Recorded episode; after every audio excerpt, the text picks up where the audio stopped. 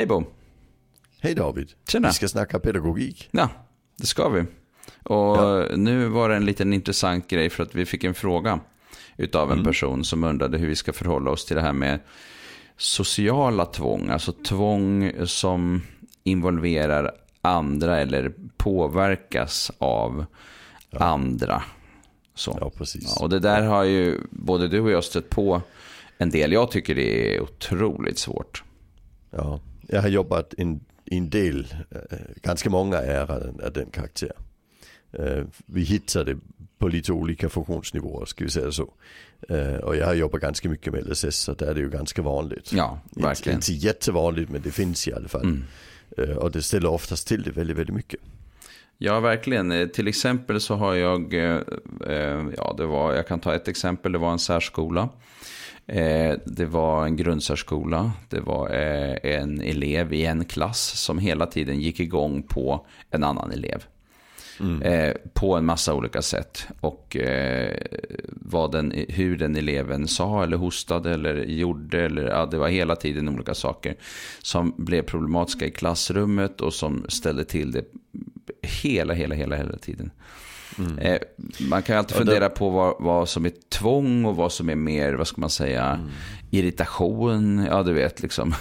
ja, jag, jag, brukar definiera det på det viset mm. att alltså, tvång handlar ju om att man har svårt att förhålla sig till sin egen ångest. Och sen lägger man ansvaret för ångesten i någonting annat än effektreglering. Som till exempel att om jag gör så, då flyttar ångesten. Och då är det handlingen man lägger det i. Och sen funkar det inte, så där måste man göra om det och göra om det och det blir jobbigt och jobbigt och jobbigt. Men socialt tvång, där lägger man det ju i en annans handling. Så ansvaret lägger man ju hos den andra. Och det, alltså är det, är det en, ett sätt på att, att, du ska sitta still eller något sånt där kan det bli väldigt det kan bli förödande för den andra. Alltså, men, men de, de ärenden jag upplever äh, blir mest problematiska. Mm. Det är ju till exempel om vi har en, en, en person med ett självskadebeteende.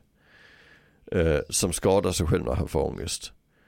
Och sen säger han till personalen vad de ska göra för att han inte ska skada sig själv. Och sen försöker de göra det men ångesten går inte över så han skadar sig själv ändå. Det är för jävligt. Ja, rakt, rakt igenom. ja. Mm. Och, och då ska man kanske förstå det här med obsessivt beteende. Det, det, det, det, det handlar om i det, i det här fallet. Mm. Obsessivt beteende det, det, det bygger på att vi har en situation som blir jobbig. Uh, och, och man får ångest. Och sen gör man no någonting eller någon annan råkar göra någonting. Som gör att det, øh, som inträffar samtidigt som ångesten går över. För ångest går alltid över. Det är ingen ja, som har ångest hela tiden. Nej, ångest går alltid över. Men om, om det då händer samtidigt med något annat så får man gjort en sån här felaktig orsak-verkanskoppling. Och då tänker man att nästa gång det kommer att hända, det måste jag också göra på, precis på samma vis, på samma sätt, på samma tid på, alltså allt måste vara likadant. Och sen gör man likadant och det hjälper fan inte. Nej. För då gick ångesten ju inte över direkt då. Mm. Och då måste man göra det igen och sen plötsligt går ångesten över. För det gör det ju alltid. Men man får liksom byggt in den här osäkerhet på om ångesten går över. Det är det vi kallar ett obsessivt beteende. Och där blir det liksom att man alltså, stänger dörren 27 gånger innan det känns rätt och så vidare. Eh, det är väldigt, väldigt handikappande, väldigt, väldigt mycket lidande förbundet med det. Men det är ju när du det klassiska det är ju då ditt eget beteende. Men när det är någon annans beteende, då, då blir, innebär det att den andra ska göra rätt. Just det. Och det som händer det är ju oftast om det är ett, ett barn så är det oftast föräldrarna som ska säga på ett visst vis, du ska säga så här, du ska göra så här. Och sen så länge det funkar, då det, funkar det ju för alla. Men plötsligt en dag så funkar det inte. Och då blir det ju obsessivt. Och då blir det ju så att om du då du försöker göra rätt och du försöker göra rätt och det funkar inte och det funkar inte. Och till slut så kan det kanske bli så illa så det kommer en, en situation där det utlöser våld. Och det är ju då, det är de äran jag har varit inne i, de har ju oftast kommit till den punkten. Alltså det är ju, off, ja precis, när, i de här starka fallen, det har jag också sett då på de här, eh, att det har blivit våldsamhet, eh, eh stark, alltså ångest eh, och Eh, slår kanske på någon eller ska göra vissa typer av handlingar för att eh, någon annan har handlat på ett visst sätt. En elev har handlat mm. på ett visst sätt och, och, då måste jag handla på det här sättet för att ställa till rätta så att säga. Ja, för att få ordning och reda. För att få ordning och reda ja, på det. Mm. Så flexibilitet, det, det, är lite mer kompulsivt. Alltså, vi, vi skiljer på obsessivt och kompulsivt beteende. Kompulsivt är att jag ska göra det en gång och sen är det bra. Eller jag ska göra det tre gånger och sen är det bra. Mm. Obsessivt är att jag ska göra det tills det känns rätt. Ja, just det. Mm. Och det är mycket mer lidande förbundet med det, med det obsessiva. Mm. Eh, så, så jag, jag, tycker, alltså det, överhuvudtaget när det får den här sociala komponenten, att någon annan är ansvarig för min ångest, där är det alltid ett problem. Men det är ändå lättare att leva med ett kompulsivt beteende. Men, men det finns ju en risk att det kompulsiva plötsligt blir obsessivt när ångesten ökar. Och, och, och då blir det jätte, jättebesvärligt. Mm. De, alltså de, de tyngsta ärenden jag har jobbat i, de har jag löst genom att vi flyttar personen väldigt långt. Mm. Så de person, det är oftast kopplat till vissa personer som ska göra på vissa vis.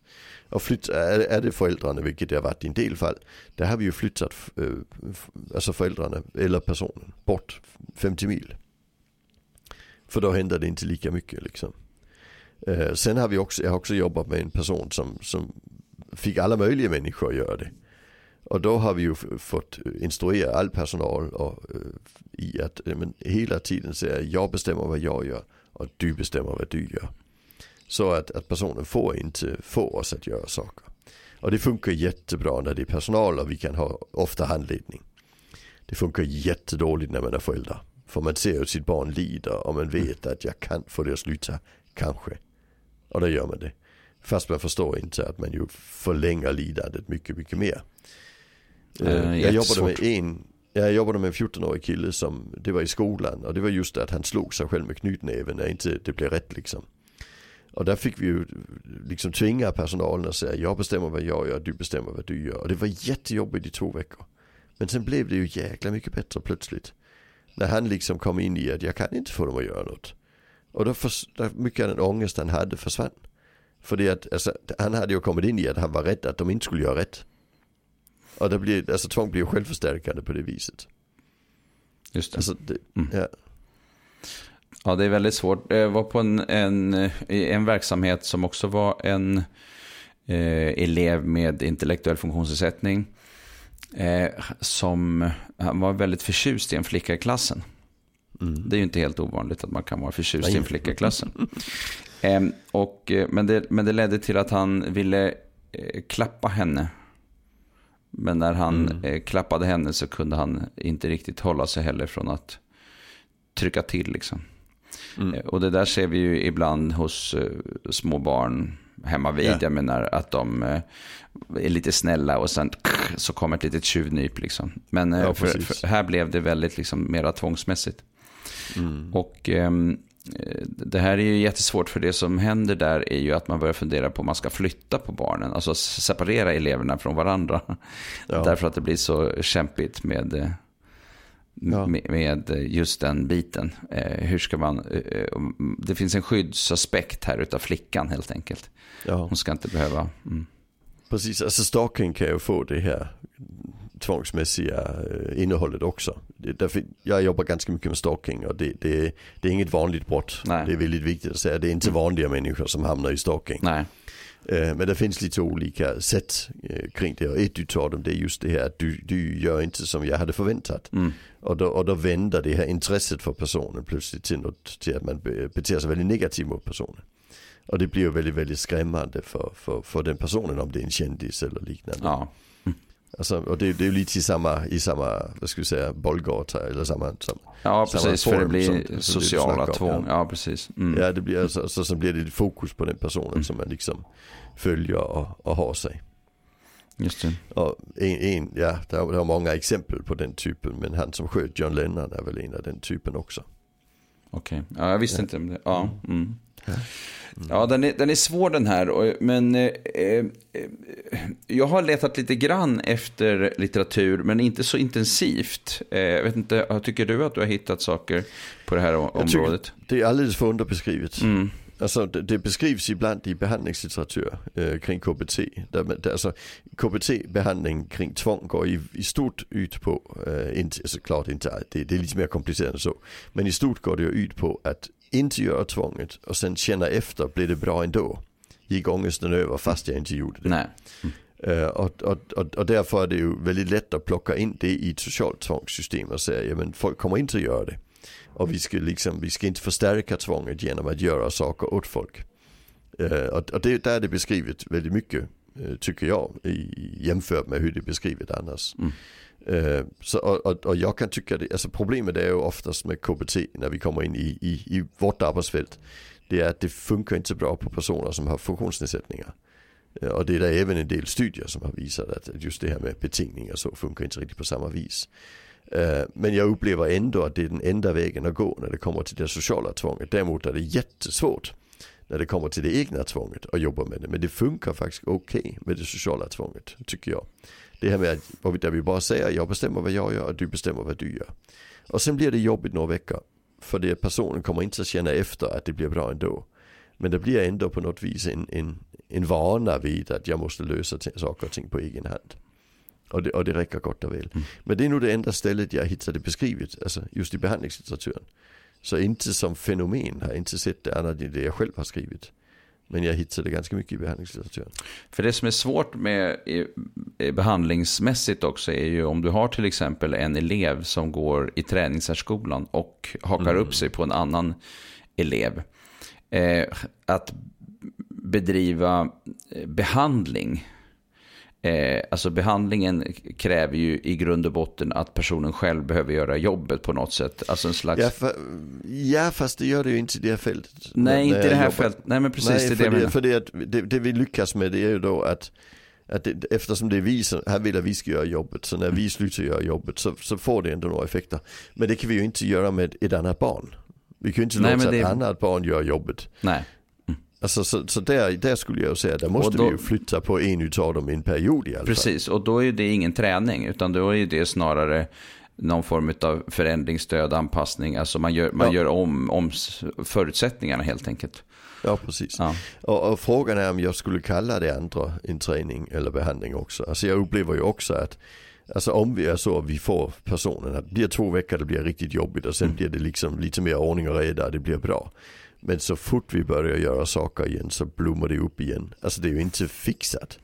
För det är inte personen själv som gjort jobbet. Han kan inte hålla några underhållsstrategier.